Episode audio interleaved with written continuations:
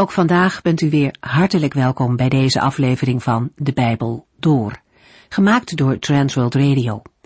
Voor meer informatie kijkt u dan op onze website transworldradio.nl. In deze serie gaat u in vijf jaar tijd met ons de Bijbel door, van Genesis 1 tot en met het laatste vers in Openbaring 22. In onze vorige uitzending hebben we het tweede deel van 1 Thessalonicense hoofdstuk 4 besproken. Paulus schrijft daarin over de hoop die christenen hebben als zij gaan sterven. Natuurlijk is er verdriet over geliefden die heen gaan. Maar, zegt de apostel, er is een groot verschil ten aanzien van niet-gelovigen. Christenen hebben hoop op leven na dit leven. De dood is overwonnen en heeft niet langer het laatste woord. Deze hoop is gebaseerd op de opstanding van Jezus Christus. Zoals Hij levend is geworden na gestorven te zijn, zo zal God ons ook levend maken. De opstanding van de Heer Jezus is een pijler in het christelijk geloof. En zonder deze hoop zou ons geloof zonder inhoud zijn. Dan zouden we maar beter zoveel mogelijk uit dit korte leven kunnen halen. En toch staat juist deze boodschap van leven na de dood al sinds het begin van het christendom onder druk. Vanaf het begin is geprobeerd om deze kernwaarheid onderuit te halen. Maar laten wij vasthouden aan dat wat de Heere God in de Bijbel over dit onderwerp zegt, en laten we weten dat het leven niet eindigt met de dood. Paulus benadrukt in zijn brief nog eens een keer dat wat hij zegt een woord van de Heer zelf is. Hij brengt niet zijn eigen uitleg, maar hij leert wat de Heer hem door de Heilige Geest bekend heeft gemaakt. En vervolgens legt Paulus uit dat de Heer zelf een bevel zal geven voor de ontmoeting tussen de gelovigen en de Heer Jezus Christus. Gestorven gelovigen zullen opstaan en dan samen met de gelovigen die op dat moment nog leven, de Heere tegemoet gaan in de lucht. En vanaf dat moment zullen wij altijd bij de Heere zijn. Dat is waar het om draait. Dat is het moment waar we naar uit mogen kijken. Paulus roept ons dan ook op om elkaar te bemoedigen met dit vooruitzicht. En voor nu lezen wij verder over de toekomst in 1 Thessalonicense 5. In 1 Thessalonicense 5 gaat Paulus over op een ander aspect van de terugkomst van Christus, namelijk het tijdstip. De overgang geeft hij weer aan met het vriendelijke vrienden, of in andere vertalingen broeders en zusters. De woordkeus van de apostel wijst erop dat hij ook in 1 Thessalonicense 5 reageert op een vraag vanuit de gemeente. De vraag die in de gemeente is opgekomen, kan verband houden met het antwoord van de apostel op de vraag uit 1 Thessalonicense 4 met betrekking tot de gestorven christenen. Paulus heeft in 1 Thessalonicense 4 uitgelegd dat God de gestorven christenen met Christus zal laten terugkomen. Daarbij kan een vervolgvraag zijn, wanneer en onder welke omstandigheden zal dit allemaal gebeuren? Er kunnen ook nog meer achtergronden van deze vraag zijn, bijvoorbeeld de verkondiging van de dwaalleraren dat de grote dag van de Here er al zou zijn. Mogelijk ook nieuwsgierigheid, of het niet klaar zijn voor de terugkomst van de Here. Voor de woorden wanneer en onder welke omstandigheden staan in het Grieks de woorden tijden en gelegenheden. Het is een bekende uitdrukking die we vaker in de Bijbel tegenkomen. Omdat het een bekende uitdrukking is, hoeven de woorden niet afzonderlijk verklaard te worden. Het gaat om het tijdstip van de terugkomst, waarover geen verdere informatie nodig is. Paulus gebruikt dezelfde uitdrukking in 1 Thessalonicense 4 vers 9, waar hij schrijft, over de liefde van christenen onderling hoef ik u niet te schrijven. In 1 Thessalonicense 5 vers 1 schrijft hij, ik hoef u niet te schrijven wanneer en onder welke omstandigheden dit allemaal zal gebeuren, vrienden. Paulus herinnert de gelovigen aan wat bij hen bekend is, namelijk het plotseling komen van Christus. Een schrik voor hen die niet geloven. Voor hen die Christus verwachten en waakzaam naar hem uitzien, zal de grote dag van de Heere geen overval zijn, maar een blijde dag waarop de Heere al zijn beloften gaat vervullen. Het is juist de verwachting van zijn terugkomst die een gelovige moet brengen tot waakzaamheid en tot een beveiligen van hun geestelijk leven, met behulp van de door de Heere gegeven geestelijke wapenrusting. Zo zullen zij, samen met Christus, delen in zijn komende heerlijkheid. Een ander aspect van de woorden uit 1 Thessalonicense 5 vers 1 is het feit dat er steeds mensen zijn die pogingen ondernemen om de datum van Christus wederkomst vast te stellen. Paulus schrijft dat die pogingen dwaas zijn. De apostel laat zien dat geen mens het weet of kan weten, en dat zelfs de gelovigen verrast zullen worden. Laat u niet misleiden door iemand die zegt het te weten. Zelfs de Heer Jezus zegt tegen zijn leerlingen als zij vragen, Heere, gaat u nu van Israël weer een vrij land maken met een eigen koning? Dat hoeven jullie niet te weten, antwoordde hij. Mijn vader beslist hoe en wanneer bepaalde dingen gebeuren. In 1 Thessalonicense 5 vers 1 waarschuwt Paulus dat de Heere plotseling en onverwacht zal terugkomen. Omdat geen mens het tijdstip weet wanneer de Heer Jezus naar de aarde zal terugkomen, moeten gelovigen steeds klaar zijn om hem te ontmoeten. 1 Thessalonicense 5 vers 2 U weet immers dat de grote dag van de Heere geheel onverwacht komt, als een dief in de nacht. Waarom er niet meer te schrijven valt over het tijdstip van de terugkomst van Christus, legt Paulus uit met het voorbeeld dat de Heer Jezus zelf heeft gebruikt in Matthäus 24, vers 42 tot en met 51. Wees er dus altijd klaar voor, want je weet niet wanneer ik, jullie heren, kom. Door op wacht te staan kan iemand voorkomen dat dieven in zijn huis inbreken. Zo kunnen ook jullie moeilijkheden vermijden door altijd klaar te zijn voor mijn onverwachte terugkeer als mensenzoon.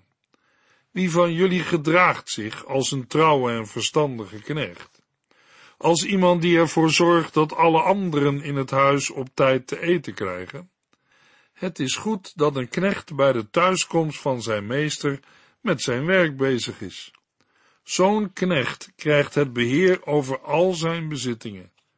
Maar als zo iemand slecht is en bij zichzelf zegt: Mijn meester komt nog lang niet terug, en hij begint de andere knechten te mishandelen en leeft er maar op los en bedringt zich, dan komt zijn meester op een moment dat hij hem helemaal niet verwacht. Dan zal die de slechte knecht laten folteren en naar de plaats van de huigelaars laten brengen. Daar is wroeging en verdriet. Het mooie van dit gedeelte is dat de heiland duidelijk maakt dat zijn terugkomst onverwacht is. Maar ook de houding van zijn volgelingen een rol speelt bij de verwachting van en het verlangen naar zijn komst. Een verwachtende levensstijl van een christen wordt gekenmerkt met de woorden uit Matthäus 24, vers 46, waar we lazen: Het is goed dat een knecht bij de thuiskomst van zijn meester met zijn werk bezig is. Zo wil de heiland u, jou en mij vinden, bij zijn terugkomst op aarde, gewoon bezig met het werk dat de Heere ons heeft gegeven. In Lucas 12, vers 35 tot en met 40 zegt de Heer Jezus tegen zijn leerlingen, sta altijd klaar om in actie te komen. Zorg dat jullie lamp brandt en wees als dienaars die wachten op hun Heer tot die van de bruiloft terugkomt. Als hij aanklopt, kunnen ze meteen open doen. Wie klaarstaan en hem verwachten, zijn oneindig gelukkig, want de Heer zelf zal hun dienaar worden. Hij zal hen aan tafel nodigen en bedienen. Of hij nu s'avonds komt of na middernacht, voor degenen die klaarstaan zal het een heerlijk moment zijn. Jullie begrijpen wel dat iemand niet in zijn huis zou laten inbreken als hij wist wanneer de dief zou komen. Het beste wat je dus kunt doen, is altijd klaar te zijn. Want ik, de mensenzoon, kom op een moment dat niemand mij verwacht. Het voorbeeld met de dief drukt uit dat de komst van Christus onverwacht plaatsvindt. De dief komt s'nachts. Niemand ziet hem komen. Plotseling is hij binnen. Zo onverwachts komt de Heere terug. De apostel Petrus schrijft in 2 Petrus 3 vers 10 tot en met 15 De grote dag van de Heere komt net zo onverwacht als een dief. Dan zal de hemel met een vreselijk lawaai vergaan. De elementen zullen door vuur worden verteerd. De aarde zal bloot komen te liggen en alles wat erop gebeurd is, zal aan het licht komen. Als u eraan denkt dat alles verteerd zal worden, hoe heilig en zuiver moet u dan wel leven? U moet vol verwachting naar die dag toeleven en eraan meewerken dat hij gauw komt. Op die dag zal de hemel door vuur verteerd worden en zullen de elementen door vlammen smelten. Maar waar wij eigenlijk naar uitkijken, dat zijn de nieuwe hemel en de nieuwe aarde die God beloofd heeft. Daar zal alles goed en rechtvaardig zijn. Terwijl u hierop wacht, vrienden, moet u uw best doen zo te leven dat er niets op u is aan te merken. Houd vrede met iedereen, zodat de Heere tevreden over u kan zijn als hij komt. En vergeet nooit waarom hij wacht. Hij geeft ons nog de tijd om andere mensen te vertellen dat Christus hen wil redden. Onze geliefde broeder Paulus heeft daarover in zijn vele brieven ook gesproken naar de wijsheid die God hem gegeven heeft. Deze Paulus schrijft in 1 Thessalonicense 5 vers 2. U weet immers dat de grote dag van de Heere geheel onverwacht komt, als een dief in de nacht. In openbaring 3 vers 3 wordt hetzelfde beeld gebruikt als een waarschuwing voor gelovigen die zich niet voldoende hebben voorbereid op de komst van de Heere. De gelovigen in Thessalonica weten van deze dingen, omdat Paulus tijdens zijn bezoek al het nodige heeft verteld over de terugkomst van de Heere en de tekenen in de tijd die aan zijn terugkomst voorafgaan. Het valt in vers 2 op dat de apostel niet het woord terugkomst gebruikt, maar de grote dag van de Heere. De woorden zijn een oud-testamentische uitdrukking die spreekt over de grote dag waarop God orde op zaken zal stellen op aarde.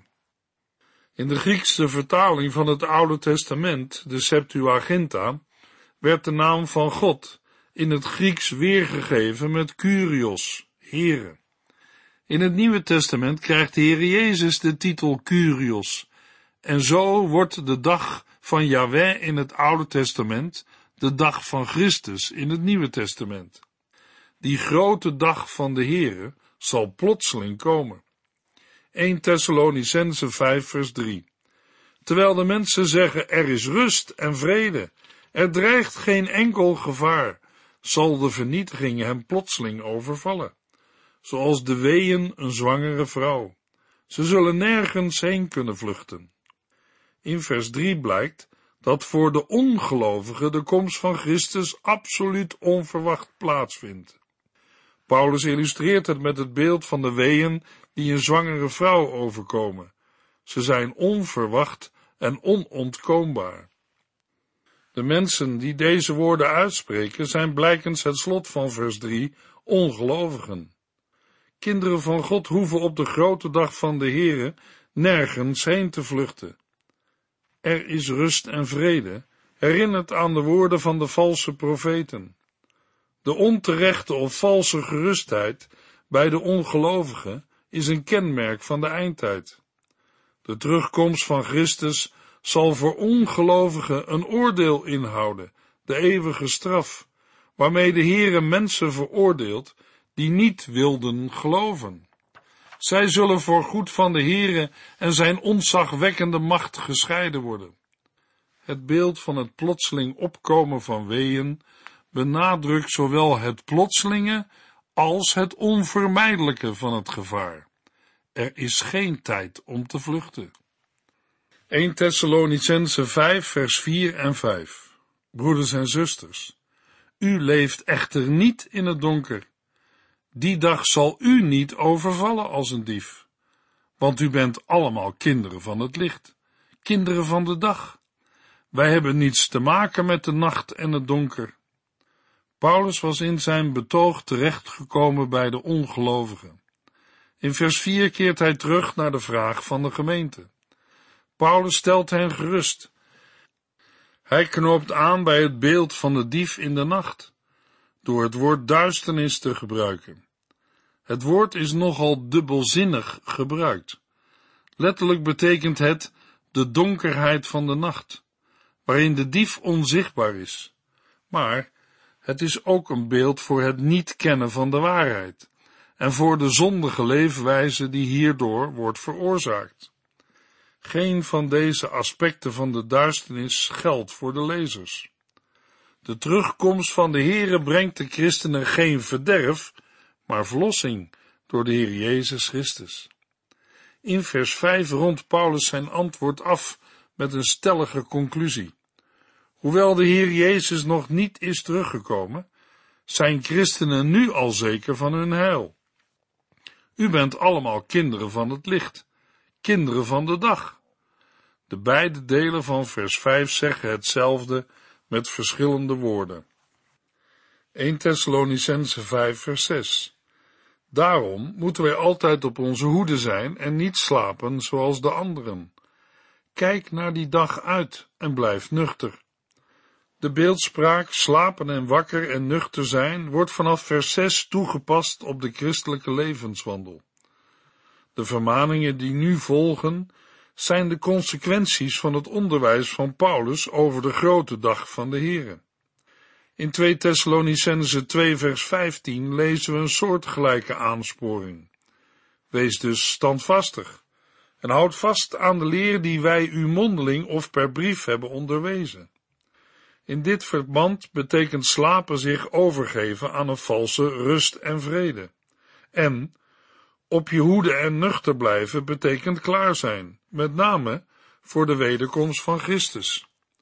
Nuchter blijven is in tegenstelling tot dronken zijn het beheersen van het eigen lichaam en daarmee van eigen gedrag en levensstijl. De anderen zijn de ongelovige mensen. Opmerkelijk is de overeenkomst met Matthäus 25, waar de Heer Jezus de gelijkenis over de slapende meisjes besluit met, wees daarom waakzaam, want u weet niet op welk moment ik terugkom. 1 Thessalonicense 5 vers 7 en 8 In de nacht slapen de mensen en bedrinken dronkaard zich. Maar laten wij die bij de dag horen nuchter blijven. We moeten onszelf beschermen met het harnas van geloof en liefde en met de helm van de hoop op het heil. Vers 7 is een tussenzin die ons een blik gunt op het gedrag van ongelovigen, mensen die geen christen zijn. Met des te meer kracht stelt Paulus in de volgende verse het gedrag van de christelijke gemeente er tegenover. Slapen en dronken zijn horen bij de nacht. Overdag dronken zijn was zelfs voor ongelovigen een schande. Hoewel het vers ook letterlijk waar is, gaat het de apostel om de tegenstelling tussen de geestelijke dag en nacht. In vers 8 stelt Paulus met het woordje wij de gelovige gemeenteleden tegenover de mensen die niet in Christus geloven uit vers 7. Gelovigen horen bij de dag. Zij moeten nuchter zijn, ook als anderen zich bedrinken. Paulus roept het beeld op van een wachter die waakzaam is en toegerust met het harnas van geloof en liefde en met de helm van de hoop op het heil. Het beeld is ontleend aan Jesaja 59 vers 17. Door geloof, liefde en hoop houdt de gelovige stand in een vijandige wereld, zoals een wachter door zijn wapenrusting wordt beschermd tegen vijandelijke wapens. Een gelovige in Christus heeft natuurlijk nu al de verlossing ontvangen, maar hij of zij hoopt op de nog komende en volkomen verlossing van geest, ziel en lichaam bij de wederkomst van de Heer Jezus. 1 Thessalonicense 5 vers 9. Want God heeft ons niet bestemd om door hem bestraft te worden, maar om gered te worden door onze Heer Jezus Christus. Tegenover het heil staat de toorn, het strafgericht over de ongelovige wereld. De woorden bestemd om gered te worden wijzen erop dat het volle heil nog niet door de gelovige is ontvangen, maar ook dat de mens zelf moet instemmen en verantwoordelijk is voor een juiste keuze en zich moet inzetten voor Gods bedoeling. Bestemd verwijst naar de roeping en verkiezing van de gelovigen door de Here, die hierop uitloopt dat de gelovigen door Jezus Christus het volle heil zullen ontvangen. Door onze Heer Jezus Christus maakt duidelijk dat Christus degene is die het volle heil geeft. Daarbij moeten we denken aan de dag van zijn wederkomst, als allen die hem toebehoren verheerlijk zullen worden. 1 Thessalonicense 5 vers 10 Jezus is voor ons gestorven om ons voor altijd met hem te laten leven. Of we bij zijn terugkeer nu al gestorven of nog in leven zijn. Het lijden en sterven van Jezus Christus houdt voor de gelovigen in dat zij voor eeuwig met hem zullen leven. Een uitwerking van de betekenis van het sterven van Christus voor ons heil vinden we bijvoorbeeld in Romeinen 3, vers 21 tot en met 26. Maar nu is aan het licht gekomen dat God de mens buiten de wet om vrijspraak wil geven. Daar is in de boek al op gewezen. Deze rechtvaardigheid voor God wordt bereikt door op Jezus Christus te vertrouwen. Dit geldt voor alle mensen die in Hem geloven, wie zij ook zijn. Alle mensen hebben gezondigd en missen daardoor Gods nabijheid. Maar God is zo goed en vergevend hen weer aan te nemen, zonder dat het hun iets kost en zonder dat zij het hebben verdiend, omdat Jezus Christus hen uit de greep van de zonde heeft bevrijd. God heeft Christus Jezus gegeven als verzoeningsoffer. Door zijn bloed zal de mens, wanneer hij gelooft, Gods rechtvaardigheid ontdekken. God gaat namelijk voorbij aan de zonden die eerder gepleegd waren, om uiteindelijk in deze tijd te laten zien hoe rechtvaardig hij is. Dat doet hij door iedereen die in Jezus gelooft vrij te spreken. En in Romeinen 4 vers 25 lezen we, Hij heeft Jezus voor onze zonde laten sterven en hem uit de dood laten terugkomen om ons rechtvaardig te verklaren. Door hem mogen gelovigen nu al een heel nieuw leven leiden. Paulus schrijft in 1 Thessalonicense 5 vers 10, Jezus is voor ons gestorven, om ons voor altijd met hem te laten leven. De toevoeging, of we bij zijn terugkeer nu al gestorven of nog in leven zijn, slaat op de gelovigen, die bij de terugkeer van de Here nog leven en de al gestorven christenen, om voor altijd met hem te leven. Het is een kernachtige omschrijving van de eeuwigheid. De hereniging met Christus is daarvan het meest wezenlijke. 1 Thessalonicense 5 vers 11 Blijf elkaar dus bemoedigen en versterken, maar dat doet u al. Paulus besluit zijn onderwijs over de komst van de Here met een aansporing.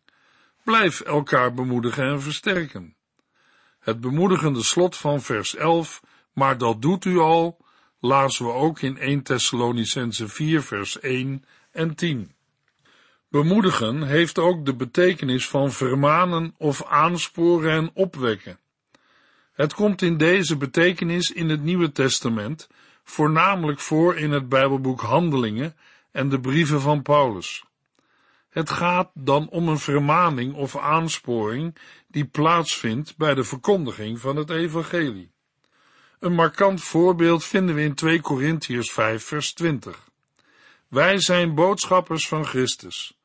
God doet door ons een beroep op u. Wij smeken u namens Christus. Laat het in orde komen tussen God en u. In andere Bijbelvertalingen lezen we de woorden: Wij zijn dus gezanten van Christus, alsof God door onze mond u vermaande. In naam van Christus vragen wij u, laat u met God verzoenen. Het is een opdracht voor de gelovigen elkaar in het geloof te bemoedigen en op te bouwen. In 1 Corinthians 14, een hoofdstuk over de gaven van de Heilige Geest, worden gelovigen opgeroepen hun gaven in te zetten tot opbouw van de gemeente. In Efeziërs 4, vers 11 tot en met 13 lezen we: Christus heeft sommigen aan de gemeente gegeven die apostel zijn, anderen die namens hem spreken, sommigen die het goede nieuws aan ongelovigen vertellen, anderen die christenen geestelijk verzorgen en weer anderen die onderwijzen. Met elkaar moeten zij de christenen klaarmaken om God te dienen, zodat de gemeente, het lichaam van Christus, zal groeien en sterk en volwassen zal worden. Het doel daarvan is dat wij tenslotte volledig één zullen zijn, door ons gemeenschappelijke geloof en doordat wij de Zoon van God allemaal even goed kennen. Dan zullen wij volledig mens zijn, volwassen geworden door alles wat Christus in ons heeft gedaan. Al deze dingen worden door Paulus samengevat met de woorden Blijf elkaar dus bemoedigen en versterken. Aan het slot van vers 11 volgt een toevoeging. Het is een compliment en een bemoediging voor de lezers van de brief.